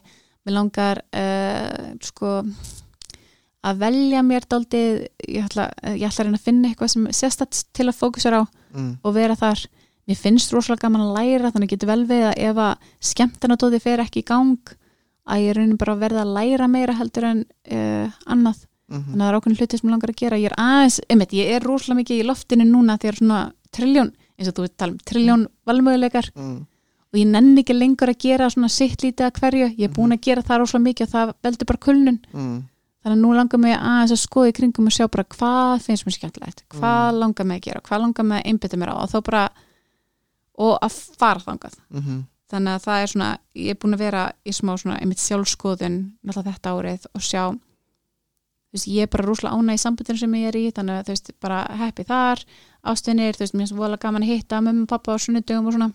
Mm, þú veist, ringi, reyni ringi mömmu, ömmu okkur með einst, ef ég get, þú veist, eins mikið ég get hef alltaf haft mákvæði leitið þannig bara svona, að, mér finnst gaman að setja í daglega rútínu, þú veist þannig ég þarf alveg bara að hafa eitthvað ákveðnu rútínu sem ég fylgi eftir því ég, ég var farin að eins og í vinnuna því ég vinna voru klass ég bara fekk mér ákveðin safa klukkan x, skilur mm. það var heilbreytt ég valdi veist, matin í vinnunni að því að hann er mjög heilbreyður Mm. skilur, og það var svo auðvelt þá að mataræði komið, skilur, svo reyfði ég mig skilur, fann ykkur reyf, skemmtilega reyfingu Mm. líka, þá var reyfingu mataræði komið vinir, ég er rosalega ég vel vini mína mhm, og svo er ég hérna í hugarafli og þar er hún andlega andlega rækti mín eins og ég kalla hana skilur, Mhm. þannig að þar er, er ég að passa upp þar er ég með þerapista og, og er að passa upp á andlega helsunum mína, en þú, mhm. hvað vilt þú taka með í 2021? mm. Já Góð spurning Ég er náttúrulega Ég er náttúrulega ennþá í vinnu og það er náttúrulega ógeð og meira þess að bara það er ógeðslega mikið að gera akkurat núna bara þú veist í vinnunni. Út af hérna, út af við erum að, að, að, í rauninu bregðast við uh, við listagiðjunni sem er mikil, mikil þörfa núna þannig að mikið að gera. Og ég verð áfram í mínu starfi uh, á næsta ári þannig að það er ekki að fara. Þannig að ég hlakka bara til að, til að hérna að glíma bara við áskorunna sem fylgja því þessu starfi og með skaman að sinna því. Um, e, svona og svona and, á andlega nótunum skilur við þá hérna þá vona ég bara að ég haldi áfram í þessu dæmi. Og ég, eins og ég segi með þetta vakna svona snemma og, og yfka yfka mína vinnu þannig á morgnana og, og skoða eins og hérna, það er eitthvað sem ég haldi áfram að gera þú veist, þetta var ekki eitthvað svona áramóta heitt eitthvað það svoleiðist, ég byrja á þessu þú veist, e- þú veist bara eins og ég segja hann í byrjun mæ þannig að það er ekki veist, og ég held að þetta sé bara komið til að vera og það er líka svo fallegt, það þarf ekki alltaf það, hvað breytist í rauninu frá 31. desember til 1. januar já, þitt hugafar mm, þú getur ákveðið að breyta þínu hugafari mm, þú þarf bara að taka ákveðin og bara, og bara koma því inn í rútunina þína og gera það eins og þú segir. Þú gerði það þannig, hvað það, 30 dagar sem áttir að gera alveg bara, alveg fast. Nei, ég Svo- gera það í þrjá mánu, 66 ég þrjá daga. manni, ok. En hérna þannig að núna er það bara komið til að vera og ég, og ég ætla bara að halda áfram að rækta það og þú veist halda vel auðvitað það því ég veit að það er að gera mig gott skilur, þannig að það er eitt sem ég ætla að taka með mér áfram uh, og það var svo margt gott sem kom úr því var þetta svona sjálfsökkvötun Mhm. þú veist og svona að reka sig á alls konar ísjaka í rauninni í sjálfinu sem að svona wow, þú veist þannig er eitthvað svakalegu tryggar bara og, og sjá það og bara bregðast við því uh, það er eitthvað, það er svona vinna sem ég langar að halda áfram með uh, og svo va hvað var það önnur verkefni því ég náttúrulega bara, jú ég er að vinna hjá listáti en ég er líka að gera svo óbáslega margt annað Mhm. uh, mér langar að þú veist, fylgja aðeins kannski aðeins meira á eftir bókinni sem ég var að gefa út uh, mér langar ótrúlega mikið að þú veist að skemmtana lífið uh, og, og skemmti bransa lífið fara að vinna með þessari veiru og finna úrræði þannig að ég geti að fara að skemmta aftur því finna það, mér finnst það ótrúlega skemmtilegt að skemmta og líka fólk þarf svo mikið á því að halda elskunnar og sérstaklega núna ok, þú veist, desember var eitt en síðan er að koma janúar og februar, þetta er mjög harðir mánuðir mm.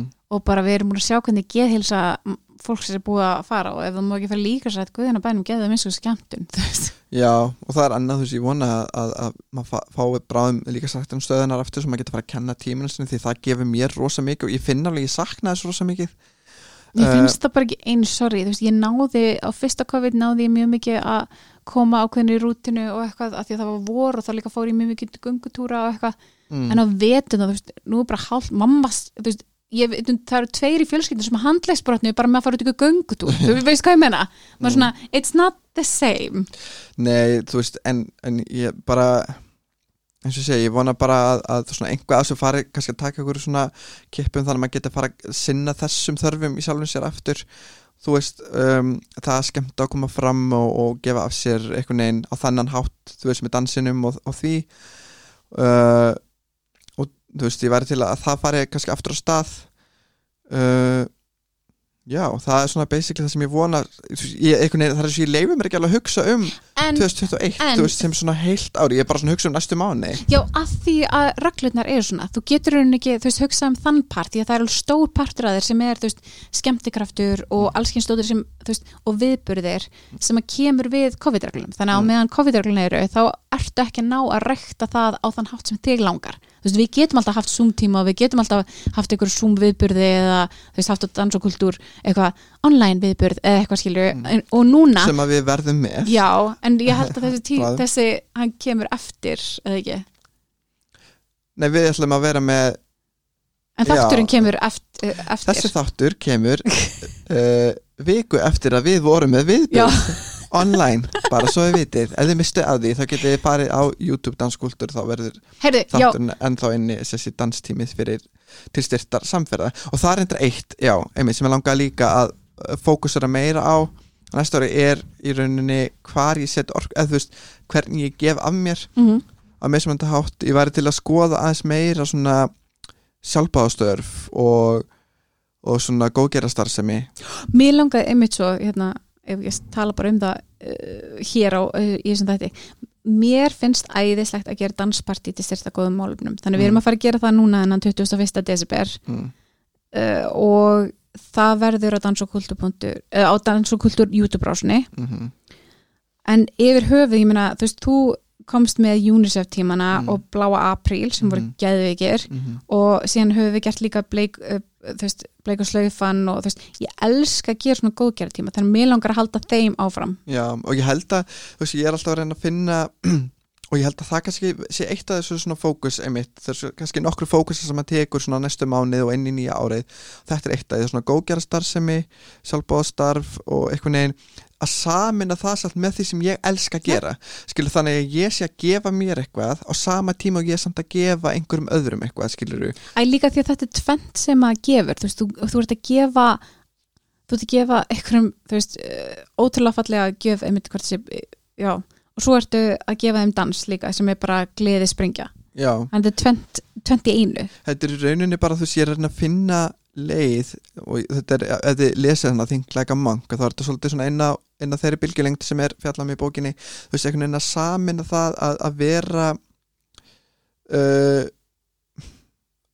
að þjónusta fólk. Mm. skilur að þjónust, hvernig getur þú orðið að þjónustu fyrir heiminn í rauninni? Hvernig getur þú já, verið þú veist að þjónustu reyðbúin bara í lífinu, skilur hvernig en samin að samt þannig að make sense fyrir þig, ekki bara hvað þóknast fólki út um allt í kringum þig og hvernig hátt sem að þeim þóknast heldur hvernig getur þú samin að ástriðina þú veist, eins og í mínu tilfelli er alveg margt, skilur en dansinn rosa stór hlutaði og að kenna dans og koma fram og svona, en hvernig get ég sett það í einhvern form? Þú veist, ég veit alveg að, þú veist, jújú, jú, fólk getur alveg borgað, þú veist, mér fyrir það og uh, þú veist að skemmta og þannig og það, þá er ég bara að gefa þeim einhverja gjöf og, og, og þau á móti að gefa mér eitthvað, skilur út þeim ég elska að gera þetta, en líka bara svona í starra samhengi, veist, og er og þá koma þessi góðgera viðbyrð og svo stertinn þá er ég að gefa mér gjöfina að, að, að rakta ástriðu mína fyrir dansinum og, og gleðina í sjálfu mér en á sama tíma veit ég ég líka að gefa öðrum eitthvað skilur ég samna ykkurum pening, ykkurum margt smátt gera eitt stort sem að kannski hleyp, hleypur ykkur, ykkur verkefni í framkvæmt einhver staðar. Þú veist, eins og að maður er að vinna þú veist, gefa UNICEF eða uh, eða svo ætlum að gera núna fyrir samferða góðgera samtökin það sem er kannski einhver fari jólamat skilur sem hefði, hefði annars ekki getað eitthvað svona. En það var líka svo uh, að því að líka eftir það sem við tölum um um jólaþættinum mm, að að við vorum að tala um þú veist, það er ekki allir sem eiga gleðil jól og það er, þú veist, og maður vill ekki jólastressið að eigi ekki fyrir jólunum. Mm, og mér er svo fallið það sem samhef, samferða hefur hann gert það, þau gefa bara þú veist, það, þú getur sótt um styrk og þetta er bara 15 krónur sem að þú í raun getur bara eitt í hvað sem þarf. Mm, og mér staður svo fallið því að þú veist, það eru margir sem þurfa að býða eftir útlutunum þurfa að býða kannski út í kuldanum eftir að fá þú veist, eitthvað og þú veist, mm. þarna bara, þetta er auðvelt fyllur form greinlega og sendir á þau og uh, that's it, mér finnst Mm. bara mér finnst ótrúlega falleg hugsun og þetta er bara, já, indislegt að, að fólk segja að gera svona. En ég vona já, þú veist, ég vona þú veist, ég, held, ég hef alveg heyrst frá mörgu sem hugsa aðeins meira um þessa hluti núna en það er kannski bara út af COVID þessu út af einhvern veginn fer í þessa sjálfsvinnu svo margi sem hef, eru búin að vera í þessari sjálfsvinnu í ár að þá fer hugur svolítið meira í svona mm, hvað er ég þakkláttu fyrir, hvað vil ég gera? Hvað vil ég gefa að mér, hvað skiptir máli og ég vona að þetta muni fylgja okkur áfram eitthvað út næsta ár og vonandi bara áfram og áfram. Og það sem ég kannski ef ég tala að sem bara í svona um, það sem ég kannski hrættur um er einhvern veginn að allt sem við lærðum við erum búin að læra núna með þessa sjálfsvinnu og það sem við viljum kannski leggja áslá einhvern veginn hverfi allt einu þegar bólefnin bara komu og allir bara fara einhvern veginn á fullt aftur. Veist, og það er alveg hætta á og það er alveg líka það að gerist. Og þegar við veginn um leiða bara, já, núna getum við bara að ferðast út um allt og það er enga takmarkinni þarna, enga þarna og við núna fyrir bara frí og núna bara fyrir að drekka óksla mikið og borða óksla mikið og eigða óksla mikið. Ég veit ekki hvort ég vilji það. Þú veist, ég, þú veist en ég held samt að það sé ótrúlega auðvelt að detta í það aftur. Heldur að fólk hafi fattað hversu mikið það lærið á 2020 eða heldur að það séu bara í sársökunum ég vona að það potþitt einhverjir skilur við, alveg potþitt og, og alveg potþitt líka einhverjir sem bara virkilega megaverðar sem eru bara þú veist, við hvernig við tölum núna er náttúrulega út frá ákveðnum forréttindastöðu við, það algjörlega er margir sem að þetta ár hefur bara verið bara gjörsanlega ræðilegt og því þú átt ekkert fyrirfram og, og COVID gerða verkum að þú bara átt ennþá minna Mm. skilur og bara ekkert og þú veist, er bara og, og, og ég skil að mörgu leiti ef að ef að fólk sem er í þannig stöðu er bara í foralamskirnum og bara sér og er bara með vonleysi og sér ó, mér finnst það svo sorglega ég vona samt að, þið finni einhverja von, þú veist, því að maður dætti í þetta vonleysi mm. og ég hef svo verið í þessu fórnalampstóti og ég hef verið í þessu vonleysi og það er svo vond Mm. og það er svo magna hvað maður þarf stundum bara eitthvað lítið til að gefa sér von eða að gefa, finna eitthvað til að hlakka til Mm. Þótt að sé ekki einmitt, ef það er ekki von allan að finna eitthvað til að hlakka til, eitthvað, þú veist, eitthvað ljósklætu, þótt að sé eitthvað ógislega lítið. Mm. hann svo fyndi, ég átti einu svona lítinn, lítinn penning í hérna ég bjöði vín og var mitt á aðlunarspötum á þe- á þeim tíma. Og það var eitt sem ég hlakkaði svo til. Það var sko á föstu dögum það kom, var komin út nýr þáttur að Grey's Anatomy og ég man eftir, ég hérna kendi í dansstúdíói Mm. og ég fekk tæni lítið penning þar og ég notaði hann til að kaupa mér Subway og Cosmopolitan magasinni og það var bara svona heaven fyrir mér, en þetta var svona treat fyrir mér, þetta var eitthvað sem ég gætt hlakka til því að ég var eitthvað í vonleysu og Mm. martröð og eitthvað, og ég veit þetta er alltaf lítið og eitthvað aðsnalegt en þetta var, þú veist, það þarf stundum ekki meira, það þarf bara eitthvað svona lítið Mhm. eitthvað spennandi til að laka til en ég bara borðaði söpvi yfir nýjum greisin armi þetta og það var bara og las síðan Cosmo og ég bara, mmm, ég á þetta skilið. Ég er búin að vera óstættuleg og þú veist. Mm. Það er, þú veist ég, ég er alveg að leifa mér að hlakka til mm -hmm. næsta árs. Þú veist, ég er bara svona, ég ætla bara að hlakka til 2021, það er ég, ætla, ég hlakka til að taka þessa sjálfsynni með mér, halda henni áfram og, og sjá bara, þú veist, og vinna með þessari uh, þessum afleggingum sem þessi veira skapar. Og meni, það er verið að bara í langkvæðslöndum er verið að búa til alls konar úrræði og lausnir eins og með fyrir við listafólk og svona sem að bara verður að vinna með og vera þakkláttu fyrir. Um, og til dæmis eins og við núna sem danskultur við fáum þú veist þannig að stökkball eitthvað svona tækifæri til þess að gera einhvað núna á næstunni sem er bara mjög spennandi og maður bara, þú veist, er þakkláttu fyrir það. Og hérna bara þakkláttu fyrir allt þetta litla og þakkláttu fyrir þetta litla sem maður fær þó að hlakka til en þetta er einmitt málið, þú getur annarkvort lifað í hm, og nært skort dýrið sem áaldir er nóg mm. eða þá uh, verið lifað í þakklætinu. Þannig að veist, það er tvönd annarkvæmt getur maður hata allt eða elska allt og fyrir bara eftir hvernig þú lítur á hlutina. En þú veist, sársöki og allt þetta leiðilega sem kom með COVID þú mátt alveg finna fyrir COVID. Þú mátt alveg finna fyrir leiðindunum og allt þetta dæmi. Þú veist, öllum þessum tilfengum guðnabænum þú veist, ekki bara vera eitthvað polli en bara, nei, nei, þú veist, það, það er alltaf lægi það er bara, þú veist, ég er bara góð. Þú veist, Mm. Þetta ásökkaði alveg á ákveðan hátt Mm. en þetta kendi okkur sjúklega mikið ef þú Mhm. bara skoðar skoðar það betur Mm. Eins og þú segir, þú veist, þú getur gert þetta besta ári lífsins eða versta ári lífsins mm. þú veist, þetta, þetta var alveg versta ári lífsins þetta var líka alveg besta ári lífsins, sko Mm. Á mjög, mjög ólíkan hátt. Þannig, þannig ég alveg hata þetta ára á ákveðnu leiti en ég alveg elska þetta ára á öðru leiti Mm. Það er sama hér. Þá mjög svona mikla tilfinningar söflur upp og niður skilur og á sumum lágum punktum þá bara hata ég lífið skilur og var bara eitthvað í óslega miklum vonleysi og sársöka en svo á þessum app tímum þá var ég svo rosalega hátt uppi og náði að gera svo margt og marg, mikla vinnu í sjálfum mér og mörg verkefni sem fengi að blómstra. Þannig að, einmitt, þetta er svona love it og hate it relationship. Og líka að því að einu, því ég er með svona vinnubók og þið getið sendt á mig attgóðandaginn.is að þið viljið fá eintak það hérna, þar var spurt sko hvað er stoltur af? Mm, í fyrsta leið er mér bara ókvæslega stoltur að lifa þetta ára af, let's be real. Mm en í öðru ári, öðru lagi öðru ári, öðru lagi þá er maður bara ókvæslega stoltur.